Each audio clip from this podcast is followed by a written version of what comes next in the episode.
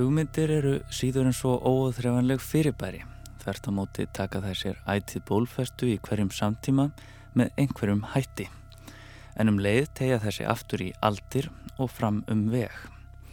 Í þessum þáttum, 100 ár, dagur er meir, sem engan veginn má líta á sem tæmandi umfjöllunum hugmyndir tengdar fullveldinu, verða tilteknir hugmyndaströmmar fullveldisögunar raktir til fortíðar og framtíðar með hliðsjón af einum ákveðnum viðburði sem telja móti mark sem þær hugmyndir sem um ræðir.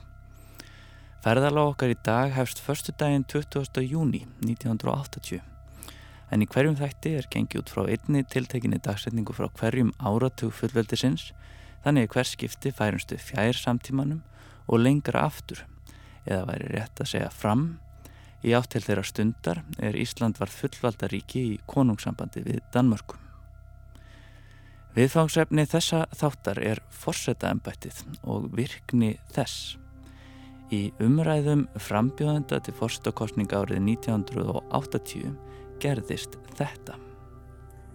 Ef við vikjum að öðru aftriði og eh, því sem að framhefur komið í kostningabaróttu, svona slagorðum og, og yfirlýsingum sem að komið hafa fram og verið ábyrjandi. Vittis, þú hefur sagt að þú sért í frambóði vegna dætra þjóðarinnar.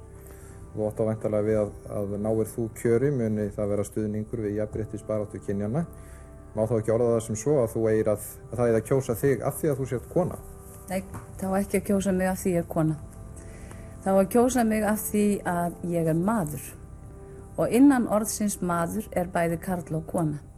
Þá að vera alveg sjálfsagður hlutur að kjósa konu til jafs við karlmann.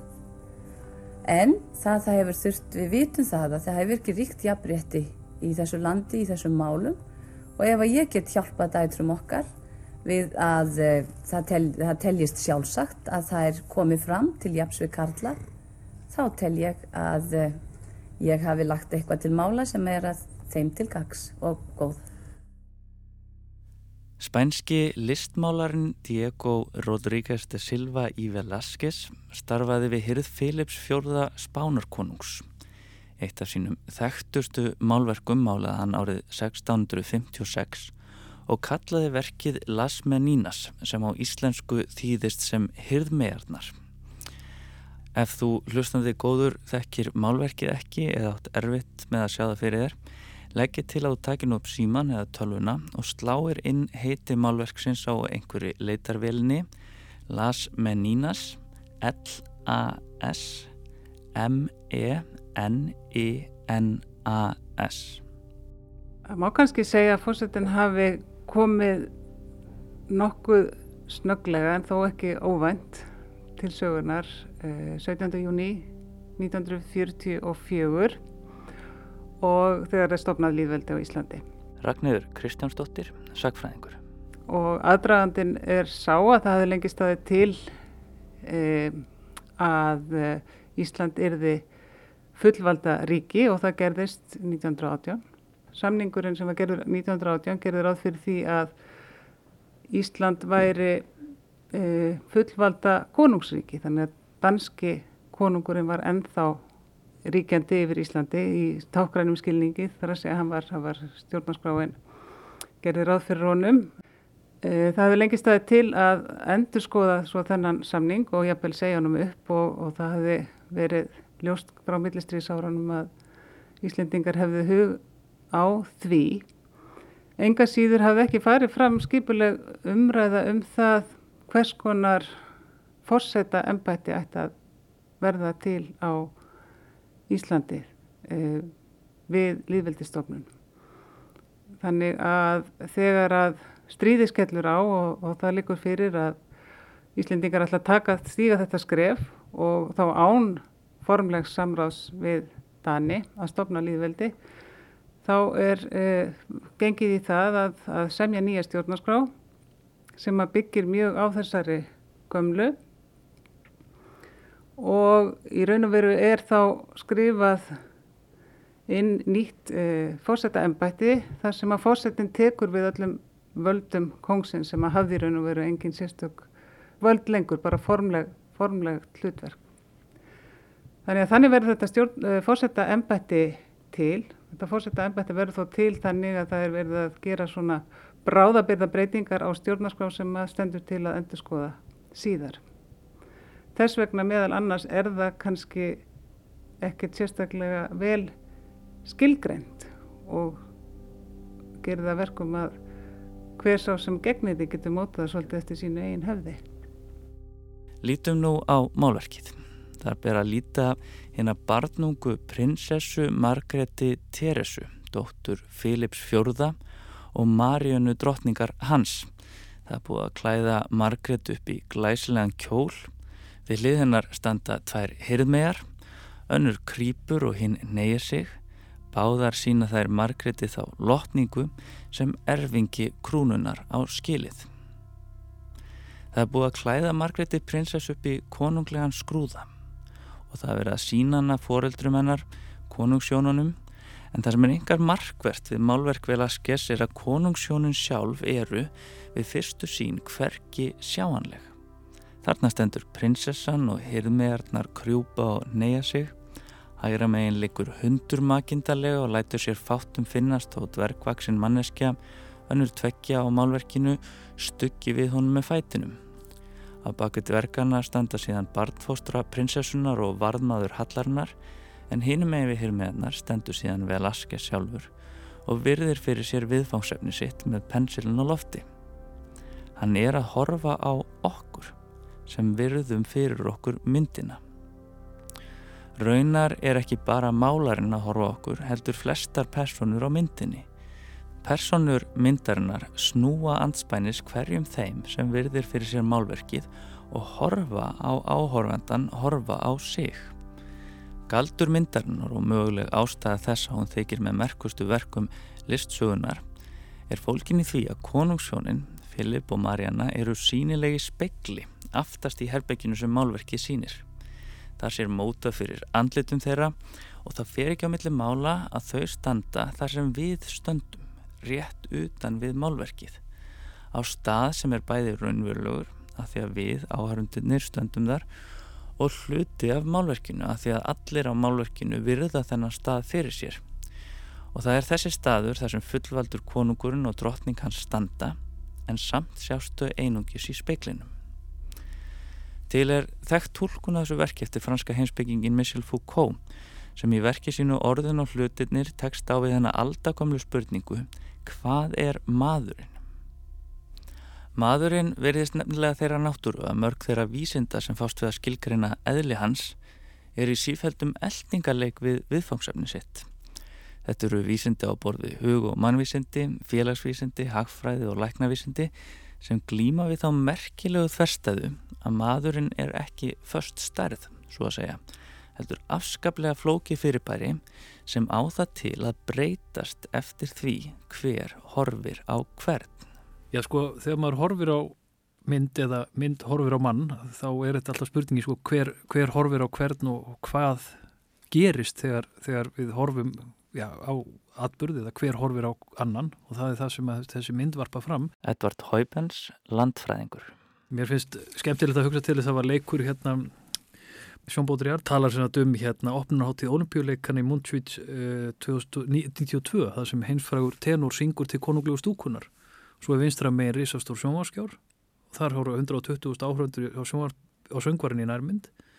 En fjarlæðirna gera nagna smáar og þá fylgjast allir með á skjánum. Sér að söngvarinn átt að sjá því að það er allir að fylgja, horfa á hann á skjánum þá snýr hann sér líka skjánum og syngur horfand á skjáin en vegna staðfestingar myndavélina þá námaður bara vangasvipans og áhörðundis nú að sé þar alveg aftur á honum en enginn horfið sér þetta á annan lengur. Og þetta var svona tólkun, nútíma tólkun bóðriðart á, á útgáfu frá Fúkó af, af hérna hirðmeginum Maður er alltaf einhvern veginn að tala út fyrir sjálfa sig sem manneska Nanna Hlín Halldórsdóttir, heimsbyggingur Maður er alltaf að tala og það sem er svo merkilegt við e, þetta orð maður um, sem er í raun að veru þetta almenna sjónarhórn þegar við segjum maður bara, maður bara svo þreyttur þú veist eins og ég sem kona ég er alltaf að segja maður bara svo þreyttur þótt þessi kallkynns og þetta er það sem er náttúrulega feminismi núna síðustu ár hefur af hverju ég held að tala um mig í kallkynni en, en maður er almennt sjónarhórn og það má deilum það hvort að konur upplifi sig í þessum fulltrúa hins almenna ekki. En þetta er tungumálið eins og við tölum það í dag er á þann hátt að við erum að vísa til hins almenna og við gerum það sem kennarar, við gerum það sem öruglega sem fórsetar og sem þingmenn og sem mömmur og sem börn. Við erum bara öll, við nótum tungumála á þennan hátt og þannig í raun að veru sínir tungumálað okkar kannski hvernig við erum um, alltaf þegar í mjög flóknu félagslegu kerfi en enga síður á þann hátt að við getum alveg ímyndað okkur að við séum í öðrum stöðum. Að við séum um, aðrar manneskjur í kerfinu. Sem aftur myndi mig á aðra sagt, mynd sem að og þar er mitt hérna döður kjúklingur á, á göttunni og svo sittur dendur yfir honum barn og svo lauruglumadur og sláttararinn og hefur maður rétt og, og svo horfir hver á annan og á kjúklingin og, og það eru línur teiknaðar sem sett á milli augna og, og hvert, á hvert er hort og, hvert, hvert, hvað er viðfang augn, augnar ásins og línurnar eru svona brotalínur sem eru teiknaðar og eru verið út úr línunum, út úr þessum tengslum sem þau eru að mynda þarna með uh, sjónsinni að með því á hvað er hort hverju sinni að þá, að þá verður til hugmyndin, þá verður til staðurinn, uh, atbyrðurinn, þannig séð. Það er svona, það er svona rennur upp fyrir okkur hvað, hvað þarna mögulega átti sér stað eða mögulega hvernig við getum tólkað eða, eða, eða búið til einhvers konar yrðingu um það hvað þarna er uh, var getur eða orðið. Og, og það, hún, hún sem slík skiptir sem þetta máli. Það er að segja þessi upprennandi yrðing í mínum huga. Það sem Edvard ávið með yrðingu er setning eða full yrðing, það að koma einhverju í orð. Orðin veita aðganga því almenna sjónarhortni sem Nanna talar um. Þau ger okkur kleift að komast út fyrir okkur sjálf og hafa áhrif á veruleikan. Orð eru grunneiningar tungumálsins og það er áhugaverðu skildleiki á milli orðsins orð og hugtakana sem Edvard notaði. Einhvað verður, hefur orðið eða yrði undir einhverjum kringumstæðum og það er gerðnan svo að sá sem hefur vald á orðinum, sá sem hefur orðið, getur skilgreint kringumstæðunar. Það sem verður, það sem rennur upp fyrir okkur og það sem, það sem verður, að, að það er auðvitað við yrðum það með einhverjum hætti fyrst. Það, það er hlut allavega að því að hlutir verði, sko, að þeir, þeir verða, þeir eru yrtir, þeir, þeir fá nafn, þeir fá hugmynd sem hefur mikið afl og hefur mikið, mikið ja, burðarmátt og það er kannski það sem auðvitað fyrirbæri sem ég notir nú kannski það orð yfir, yfir fórsetta það þarf að segja einstaklingu sem er fórseti að, að, að hérna, hefur auðvitað hann, hann, býr, hann eða hún býr auðvitað þeirri stöðu að, að þeirra orð þeirra yrðingar e, fá, e, við skulum fyrstulega segja betri, betri dreifingu það er að segja hafa meiri, meiri hljó, víðari hljóngurinn og breyðari ná meiri eirum fleira, fleiri. Og þar leðandi hafa þeirra yrðingar og hugmyndir meira vægi. Eins og til að mynda þegar, þegar Vigdís tekur þennan boltavarandi ég er maður þá, þá fer mikil umræð af staðum það. Þetta var ekki bara hver sem er sem sagði þetta sko. Og þetta lifir enn eins og, þú, eins og við vitum sko. Mér finnst þetta að vera algjörlega ríma við það sem að hérna, um, við það sem ég hef heyrt hann að tjá svo oft. Auður Haugstóttir, profesor í dönsku og forstöðumadur stopnunar Vigtísar Fimboadóttur í erlendum tungumálum við Háskóla Íslands. Hún er sannur jafnrétti sinni, hún horfir til begja kynjana og jafnrétti bæði drengja og stúlna, karla og hvenna og í hugtækinu maður, uh, hugtæki maður nær til begja kynjana og það skiptir máli að, að allir eigi jafna rétt og við vitum auðvitað aldrei hvernig uh, tímatin breytast. Því menna við getum hort einhver árundur aftur tíman, einhver ára tví aftur, aftur tíman til að sjá mjög mikið misrétti á milli karla og hvenna en við vitum auðvitað ekkert hvernig þetta lítur út eftir 100 ára eða 200 ár. Allavega held ég að mér sé óhætt að segja frá hennarsjónamiðum séð uh, þá, er, þá, skip, þá er það meginatrið að það ríki jafnrétti á milli begja kynja og það er akkurat það sem gera verkum að allir fara að tala um að vikti sér kona vegna þess að það er svo rosalega stór stór sjálfsmynd sem að, sem að fer þarna inn í fórstæðum og breytir því er að hún er kona og þótt að hún sé náttúrulega reynað bara endur skilgrina manneskina með því að vera kona í fórsendambætti. Tungumálið, það að geta notað orð, hefur gerðnan verið talið til sér einkjana þessar undarlegu dýrategundar sem maðurinn er. Allar skilgreiningar á manninum eru reyndar óttalegum anmörkum bundnar því það er erfitt að fanga með tungumálunu hvað maðurinn hefur verið, orðið og mun verða. Gríski heimsbyggingurinn Aristoteles er gerðnan hafður að háðu á spotti fyrir þá tillögu sína að mannin bæra skilgrina sem fýðurlösan tvífætling þá til aðgreininga frá öllum ferfættum spendirum og fýðruðu fugglónum sem ganga á teimur fótum. Hvort Aristoteles hafi þekkt til apa skal ósatt látið en sagan segir að nefandi hans hafi látið sér fátt um þessa skilgrinningu finnast og fært Aristotelesi reittan kjúkling með þeim orðum að þar væri fýðurlösi tvífællingurinn komin.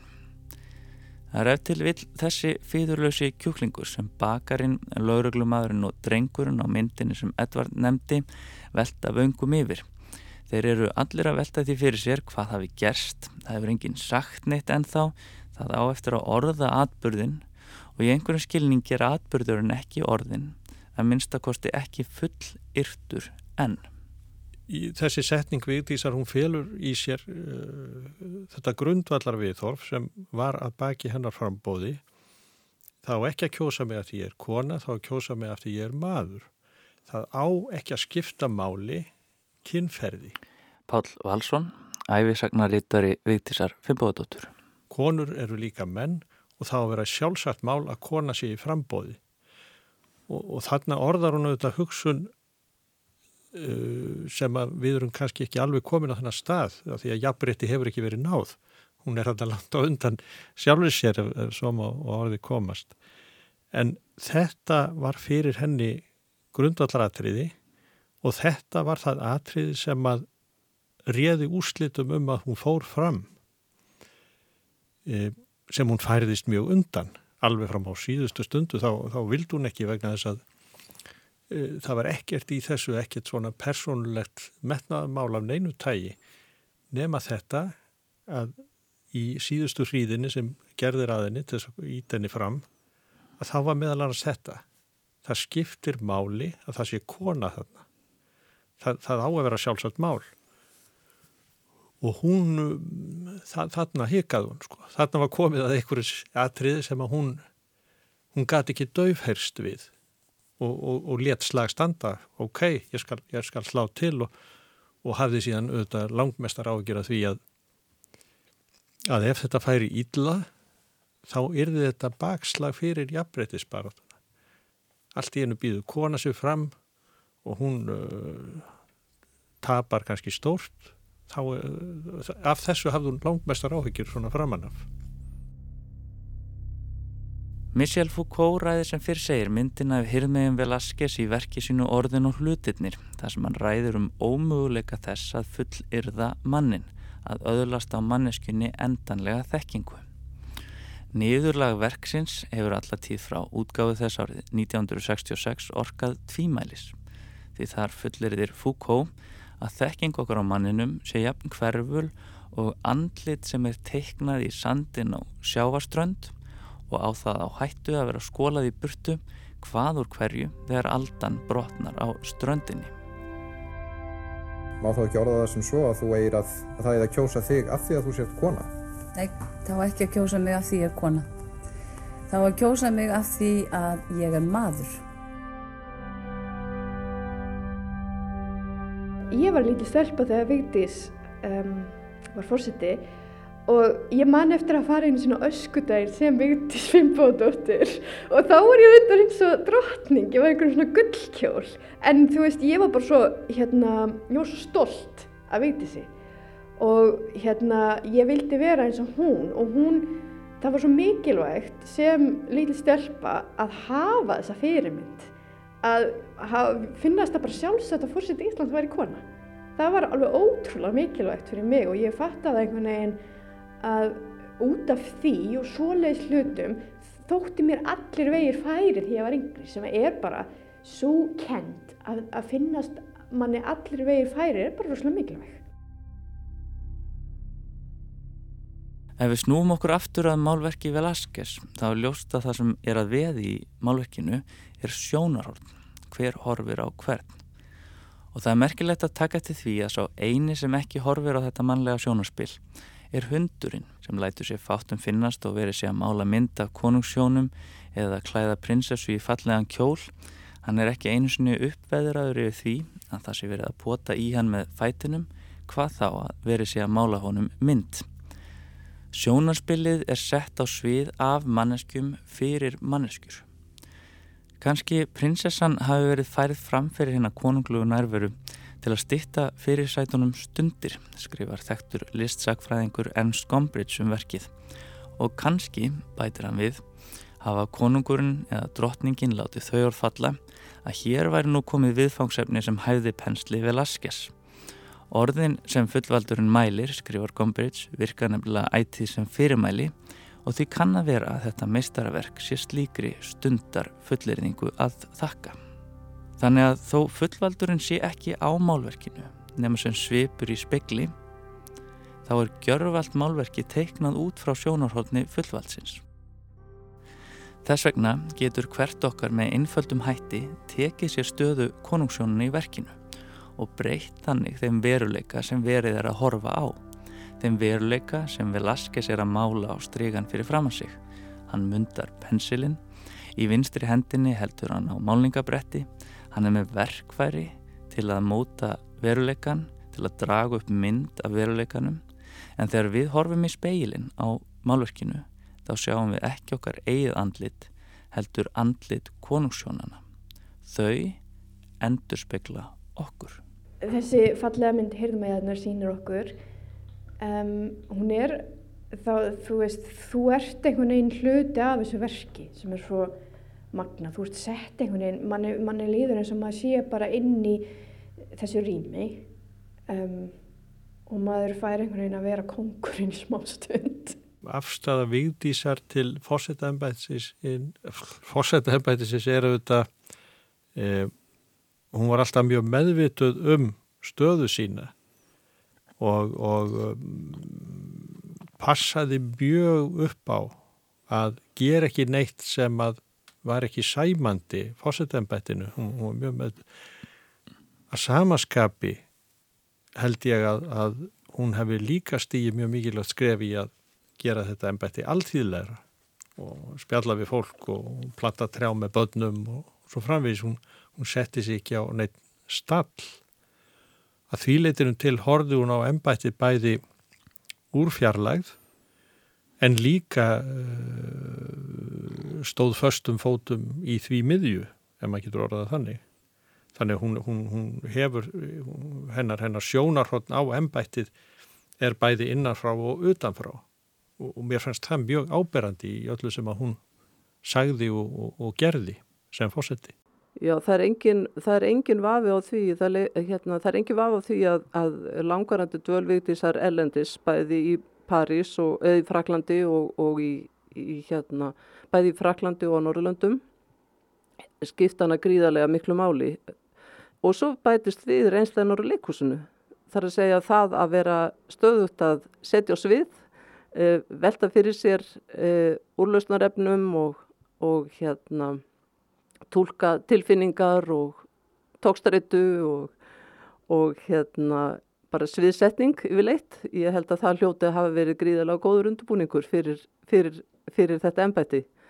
Uh, hefur, ég hef heyrt hann að segja það sjálfa, það sé engin, engin sérstök mentun uh, til undurbúnings fórsetta ennbætti en ég hef líka jáframt heyrt hann að segja að sá undurbúningur sem hún hafði úr leikúsinu hafi verið henni gríðalega mikilvægur en það er líka mjög merkilegt út af því að hirðumæðunar er mynd um, og kannski mynd málverk sem að færa okkur til þess einhvern veginn að, að vera í núinu, vera hér og nú en enga síður sjá líka hvernig aðri sjá okkur.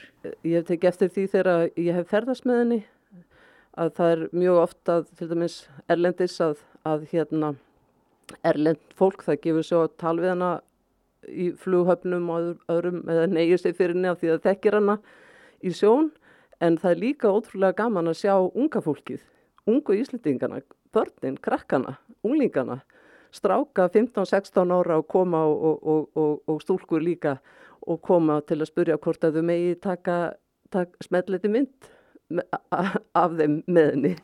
Forsetta embættið er eins konar speill. Ekkert svo ólíkur speiklinum sem að er aftast í rýmunu í herbygginu sem að Velasquez teiknar á málverkinu Hyrð megarnar. Og svo við höldum áfram á mannfræðilegu nótonum þá hefur því oft verið haldið fram að sérstæða mannsins í því að geta áttað sig á eigin speilmynd. Til dæmis hefur gerna verið talað um speilstig hjá börnum sem er það þroskastig þegar að barnið að þekkja eigin speilmynd. En Adam var nú ekki lengi í paradís því að bæði dúfur og höfrungar eru þessum merka eiginleika gætt að geta þekkt eigin speilmyndir. Þetta hefur náttúrulega verið skilgrind sem táknmynd þjóðarinnar. Jón Trausti Reynisson, riðstjóri Stundarinnar. Og, og, og, og komið fram sem slíkur uh, fórsetin á alþjóðvættfangi og innanlands. Og þetta er náttúrulega þessi gamla hugmyndum að leiðtóin einhvern veginn, þú veist, endur speikli þjóðina og gildismat hennar. Þessi hlutverki hefur náttúrulega verið svolítið það hefur verið útvært með mismunandi hætti af mismunandi fórsetum. Fórsetaðanbættið er tákn, kannski ekki með öllu svo ósvipað og orðin í tungumálunu sem líka eru tákn. En þetta eru ekki tómtákn, þetta eru fyrirbæri sem hafa þann mátt að geta umbreytt veruleikanum og því var ég eftir lill réttar að tala um verkfæri heldur en tákn. Orð og fórsetaðanbætti eru verkfæri.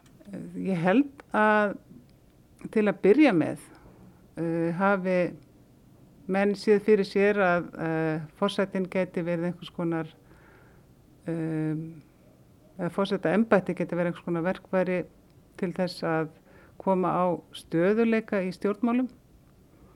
Það hafði verið svona bísna mikill óstöðuleiki í stjórnmálunum á, á millistuðsárunum og í, í aðdraðanda setni hefstyrjaldar og uh, sá sem að tók við fórsetta embættinu hafði áður verið ríkistjóri og hann hafði þurft að beita sér fyrir því að koma á stöðuleika meðal annars með því að mynda utantingsstjórn vegna þess að flokkarnir hafði ekki getað komið sér saman um myndun stjórnar. Þannig að hann var aktífur í að stabilisera stjórnmála ástandið og ég hugsa að slíkar hugmyndir hafi verið á kreiki um fórsetta embætti sem þess konar verkværi á þessum tíma.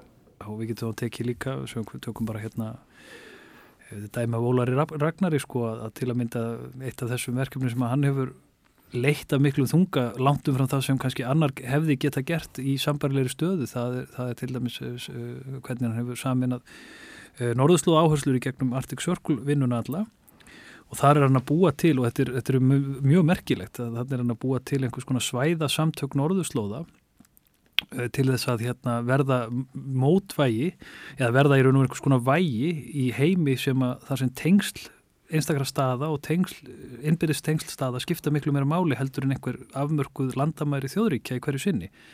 Og ef Arctic Circle fær einhvern burð þá getur þetta orðið eins og samtöksuðustur Asjuríkja eða eitthvað slíkt, Asjan þetta er mjög merkileg tilraun sem að, sem að Ólafur er búin að vinna að í mörg, ára tíu held ég hreinlega sko ef ég, ef ég bara hugsa tilbaka sko til 8. og 9. ára túsi þegar hann var að tjá sig hann gat þetta og getur svolítið í krafti þess hvað stöðu hann fjekk uh, langt umfram það sem að já, allavega ég myndi til dæmis geta eða þú akkurat í þeirri stöðu sem við erum núna þó kannski einhvern veginn í framtíðinni þannig að það er að þessu leiti sem að ég held að fórsetta embættið þó að þetta sé nú eins og oft líst auðvitað sem hérna, tákræn og öðru slíku þá, þá, hefur, þá er þetta verkfæri sem að viktar töluvert meira og er töluvert fjölþættar og gaglegra heldur en, heldur en margt af þeim tólum sem kannski við höfum yfir að ráða hverju sinni sko. Það sem að e, fórseti þurfti kannski líka að geta gert við líðveldistofnum var einhvern veginn að geta e, tryggt stöðu Íslands erlendis og þess vegna held ég að sé engin tilviljun að Sveit Björnsson fyrstiti fórseti Íslands verður fyrir valinu, að Sveit Björnsson verður fyrir valinu vegna þess að hann hafði mikla reynslu úr, utanríkistjónustinu, mikla reynslu af samskiptum við breyta og, og fleiri sem að skipti okkur mála verið góðum samskiptum við.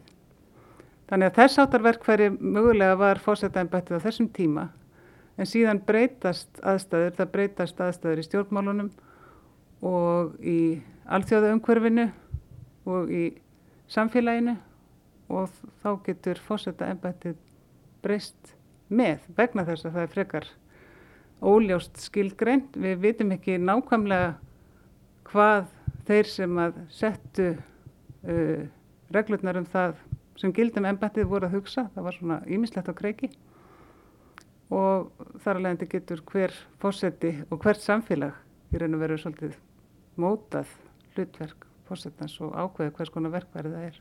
Og við sjáum sko að hérna, Ólaf Ragnar náttúrulega innleiðir meirinn hafði verið gert ef einhverjum skonar svona markas uh, hlutverki fórsetans að, að fórsetunum væri svona markasmaður þjóðarinnar og væri þar svona hálfpartin að svona selja hérna, þjóðina og, og kannski vörur þjóð, þjóðarinnar og hérna, fyrirtæki á allþjóðvettangi, allt frá sko, Rúslandi og Kína til hérna, Vestur-Európa.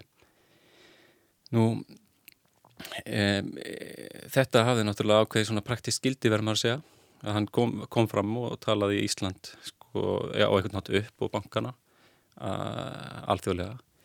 Og svaraði hérna gaggrinni og, og svo leiðis og endur speiklaði vissulega ráðandi gildismat á Íslandi á þessum díma um, og hann innliti líka annað hlutverki sem var þessi líðræðisvendil uh, sem hafði ekki nýst eða verið nýttur sem hafði verið svona þauðvilt samkomla um að væri hugsanlega bara já, einhver svona algjör neð, algjört neðarúræði eða reynilega bara ekki raunverulegt eins og viðbröðin síndu þegar hann gerði það á sínum tíma þegar hann vísaði fjölmjölulegun til, til þjóratkvæðis. Þá má kannski segja að uh, í hugmyndum um fólks og stjórnmálamanna og fórsettarna sem að hafa verið í ennbætti hafi tekist á ólíkar grunn hugmyndir um uh, líðræði og fullveldi. Annars vegar það sem að hafa verið kallað frjálslindar hugmyndir sem er þá, eru þá þær hugmyndir að kjósendur gefi valdhöfum, þingmönnum, ríkistjórn fullt umboð til þess að stjórna í, í sín, á milli kostninga og hins vegar e, þjóðræðis hugmyndir sem að gera ráð fyrir því að það sé raun og vera aldrei hægt að framselja fullveldið. Þannig að öll þjóðin, þjóðarlíkaminn, þjóðarheldin hljóti alltaf að þurfa að vera fullveldishafinn og geti aldrei framselt þetta fullveldi. Fórseta ennbætti kemur inn í þetta eða segja þessar hugmyndir móta fórseta ennbætti að því leitinu til að það hafa allt frá aðdraðanda þess að fórseta ennbætti var til 44 og fram til samtímans og fram yfir hrun hafa verið á kreiki hugmyndir um að fórsetin ætti að vera þá umbóðsmaður þjóðarviljans passa að fullveldi sé aldrei algjörlega strit, slitið frá þjóðinni. Ég mér þætti allavega gott ef að fórseti í sínu, sínu embætti væri í einhverjum, einhverju sambandi við, við fólk og hefði hefði þar, þar álegandi gæti orða það sem að kannski margur hugsar eða finnur í hjarta sér á þess að kannski geta sagt eða, eða finnur kannski ekki vettfang eða orðin til að segja það og það eru þetta hlutverk líka fórsetta að koma í orð þessu já, mjög svo sérstakka og óljósa fyrirbæri sem heiti þjóðavilji eða þjóðarsáljafil. Það er sem að ég held að ég hef verið að uh, varpa hérna fram er, er, er lík, líkt því sem að myndi kallast klassískar þjóðræðishugmyndir En það eru til annars konar þjóðræðishugmyndir sem að hafa fengið meira upp á pallborði í fræðilegri umræður núna e, já, undir lók 20. aldar og 21. öldinni. E, þjóðræðishugmyndir sem að e, byggja kannski meira á beinu líðræði frekar en þá að, að eins og ég var að lýsa þessu þar sem að það er einn maður sem er svona umbóðsmaður þjóðarviljans. Þetta er, þetta er ekki eins og þessi tvö mótel sem við þurfum að velja á milli og að e, þessi Að, og þetta eru sumpart mjög íhaldsamar hugmyndir, þessar hugmyndir sem gera ráð fyrir því að einhver einn maður geti verið umbóðsmaður þjóðarviljans.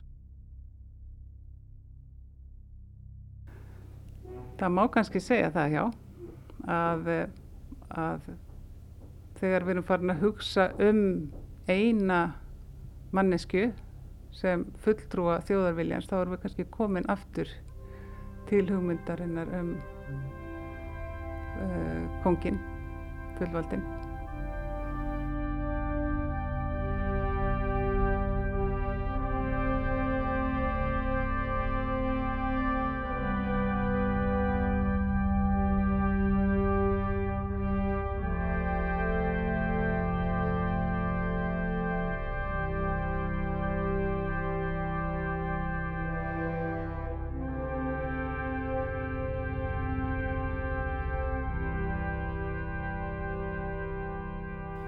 Svo hefur svo er annað sem sko er náttúrulega aðeins svolítið tvíbent. Það er samstað þjóðarinnar.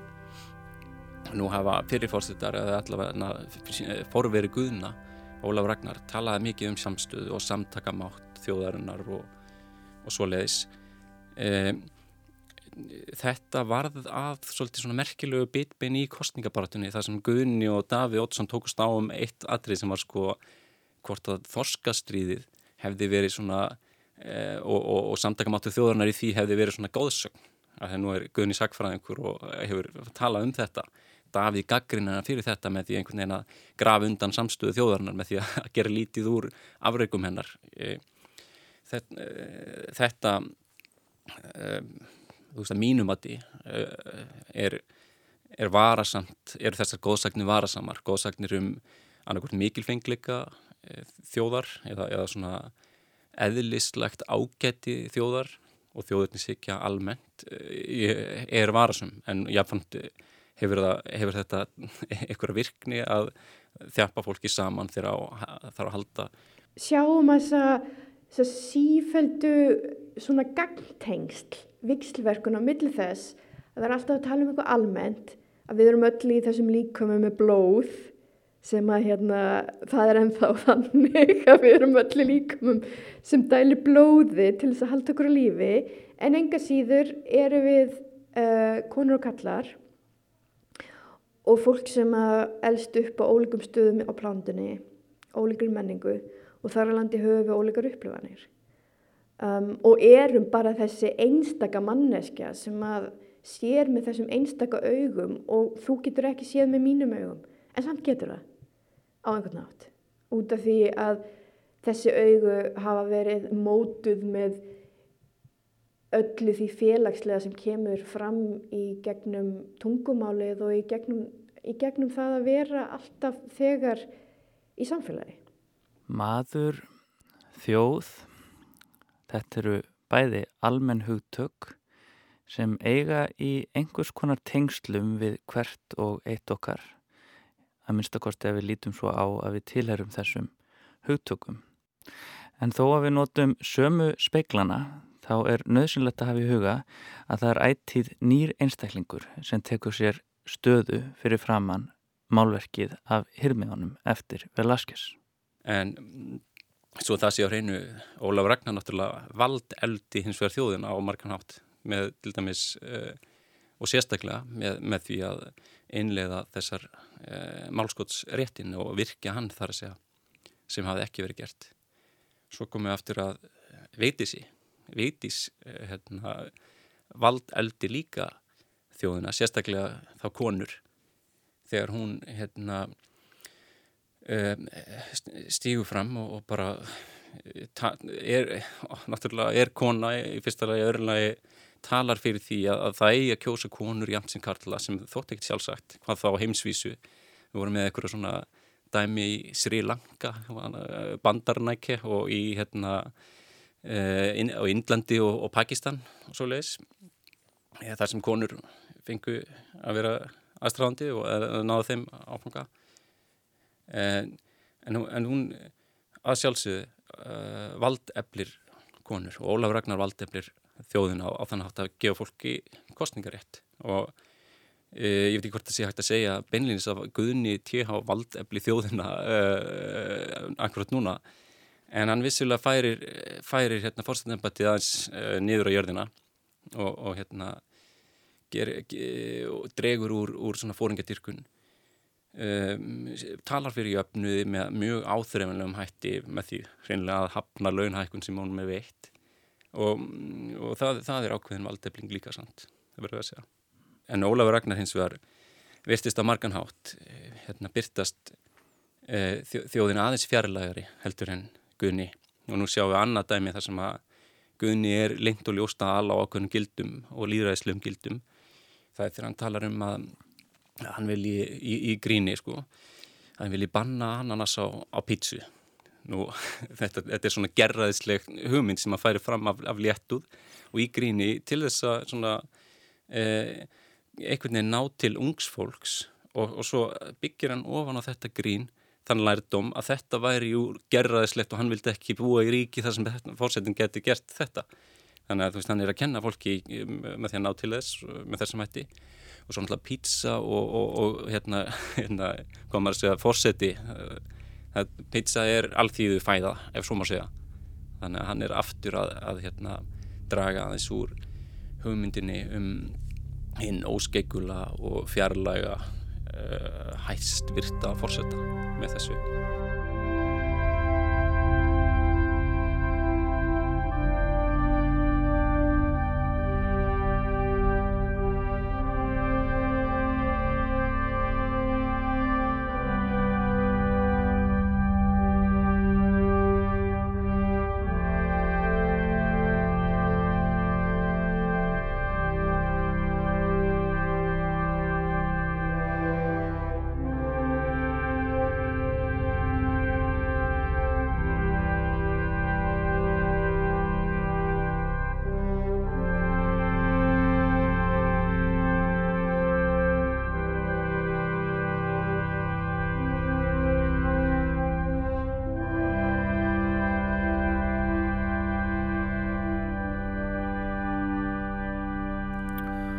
þá kemur um þetta að þessu kannski sem að fórsetin fyrirvændi hún Vigdís, frú Vigdís sagði sko að, að hérna, já ég er, ég er maður. Þetta er auðvitað yrðing sem skiptir miklu máli og það er auðvitað einlega til að fara með hana er auðvitað bara að fara út í þess að hef, kannski nokkuð hefðbundu umræðu sko, fem, feminísku umræðu um sko eru konur menn og er konur og ekki og svo framvegis. En það sem er kannski áhugaverðar er sko fyrir mér allavega er sko að gera mannin sem fyrirbæri miðlagan í yrðingunni, í viðfanginu hvað er maðurinn? Og allt í hún er hann við, maðurinn, mannskefnan orðin miðlæg að það, að það skipti máli að vera maður það er aðalatrið og þetta er það sem að er að renna upp fyrir okkur hvað svo sterkast í, á, á nútíma að, að hérna sem er kallað sem sagt, það sem hefur verið kallað mannöld Það er að segja sá tími núna þegar við áttum okkur á því að, að aðgerðir okkar og, og hva, hver við erum og hvað við gerum eru hreinlega að hafa áhrif á allt lífum hverfi og vistkerfi nattanir sem svona leggur sig með loftslagsbreytingum og öðru slíku. Og þetta hefur verið kallað eins og ég segi mannöld og, og talað um jarðsögulegt skeið sem að komi þá í kjölfar svo kallast nútíma sem er þá svo tími sem var að hefur frá lóku síðustu ísaldar og fram til voru daga. Og núna er mögulega að renna upp þessi mannöld þar sem að, sem að aðgerða okkar hugmynda okkar, þar að segja þar sem hugmyndir okkar um hvað er gott og hvað er rétt verða beinlínis áþreifanlegar í jarðlögum í miljónir ára í framtíðinni. Þar að segja eftir segjum eftir 100 miljón ár komi hér einhverjir jarðfræðingar á geiminum og, og þá munum þeir finna merkið þess að hér hafi eitthvað átt sér stað á þessu tímabili sem er kannski undanferðin ja, 100, 200, 300 ár. Það er svona aðeins deilt um svona hvar, hvar nákvæmlega, ef, ef þetta hefur byrjað, hvernig það hefur nákvæmlega byrjað sko. Mannöld er þýðing á enska hugtakinu antropósín en það mætti auðtilvill líka þýða sem veröld en ver er gamalt orð fyrir maður. Veröld er líka hús Vigdísar Fimboðdóttur sem er að finna á melunum þar sem að ég hitti auði högstóttur. Já, veröld er, ef maður hugsa bara um orðið sjálft, að þá er það nátengt orðum eins og world á ennsku og verden á dönsku og og sam, samberlegun áskildu orði í Norrlandamálunum og hollensku og, fleiri málum.